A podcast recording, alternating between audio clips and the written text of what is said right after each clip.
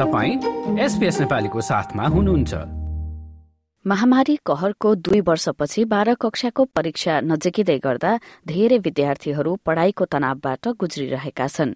एक नयाँ अनुसन्धानका अनुसार त्यही तनावका कारण निन्द्रा हराउने समस्या देखिएको छ। सत्र वर्षीय लक्ष्मी राजन थेरन पश्चिमी सिडनीको हाई स्कूलमा अध्ययनरत छिन्।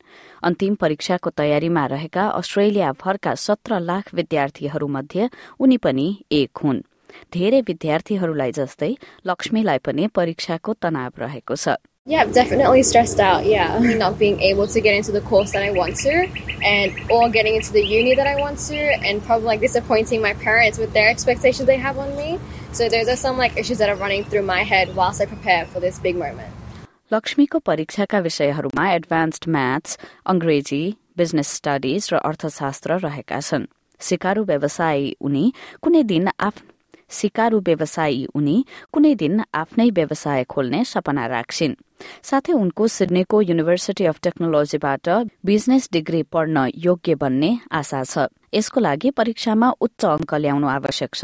यद्यपि देशभरका अन्य परीक्षार्थीहरू जस्तै लक्ष्मीको माध्यमिक स्तरको पढ़ाई कोविडका कारण प्रभावित भयो र उनी भन्छन् त्यसको असर अहिले पनि अनुभव हुन्छ। The way we have preparing our study routine and stuff has definitely changed as well. I have lost contact and touch with friends, especially, and I feel like my sleep schedule has different as well. मानसिक स्वास्थ्य प्रदायक reach out अस्ट्रेलियाले छ सय युवाहरूमाथि गरेको सर्वेक्षणले निन्द्रा हराउने र पढ़ाईको तनाव बढ़दो अवस्थामा रहेको देखाएको छ यस सेवाकी निर्देशक ज्याकी हेलेन हुन् It's gone from around a third to over 70% reporting that their sleep has been impacted this year. Long term sleep deprivation, that's a really big concern from both a mental and a physical health perspective. ठूलो परीक्षा नजिकिँदै जाँदा सर्वेक्षण गरिएका युवा वर्गले तनावको अनुभव भएको बताएका छन् जुन सामान्य हो तर असामान्य के हो भने यो वर्ष धेरै विद्यार्थीहरू आफ्नो भविष्यलाई लिएर पनि चिन्तित छन् रिचआउटका प्रमुख कार्यकारी अधिकृत एसली डे सिल्भा बताउँछन्।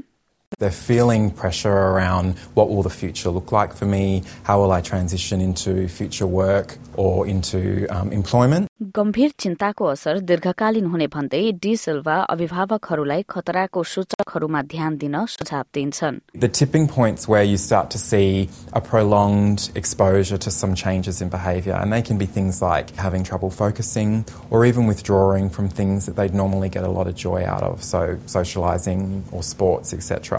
So it's important to keep an eye on those things and see if they're actually persisting स्वास्थ्य विभागले रिचआउटलाई कोष उपलब्ध गराउँदै आएको छ र युवा वर्गलाई मानसिक स्वास्थ्य र साथीहरूको समर्थन प्रदान गर्दछ हेलेन तनाव महसुस गरेकाहरूलाई अनलाइनमा आउन आग्रह गर्छिन् a really popular resource that we see on Reach Out is the check in with yourself quiz. So young people can come answer a few simple questions and it really gives them an overview of how they're going and some guided resources that they can check out that are really tailored to their experience. You can come into the community, it's a moderated safe space, and you can share what's going on for you, but you can also read other people's experience. And what we've heard is that that in itself, reading that other people are going through the same experience, can provide immediate relief for the distress that you're feeling.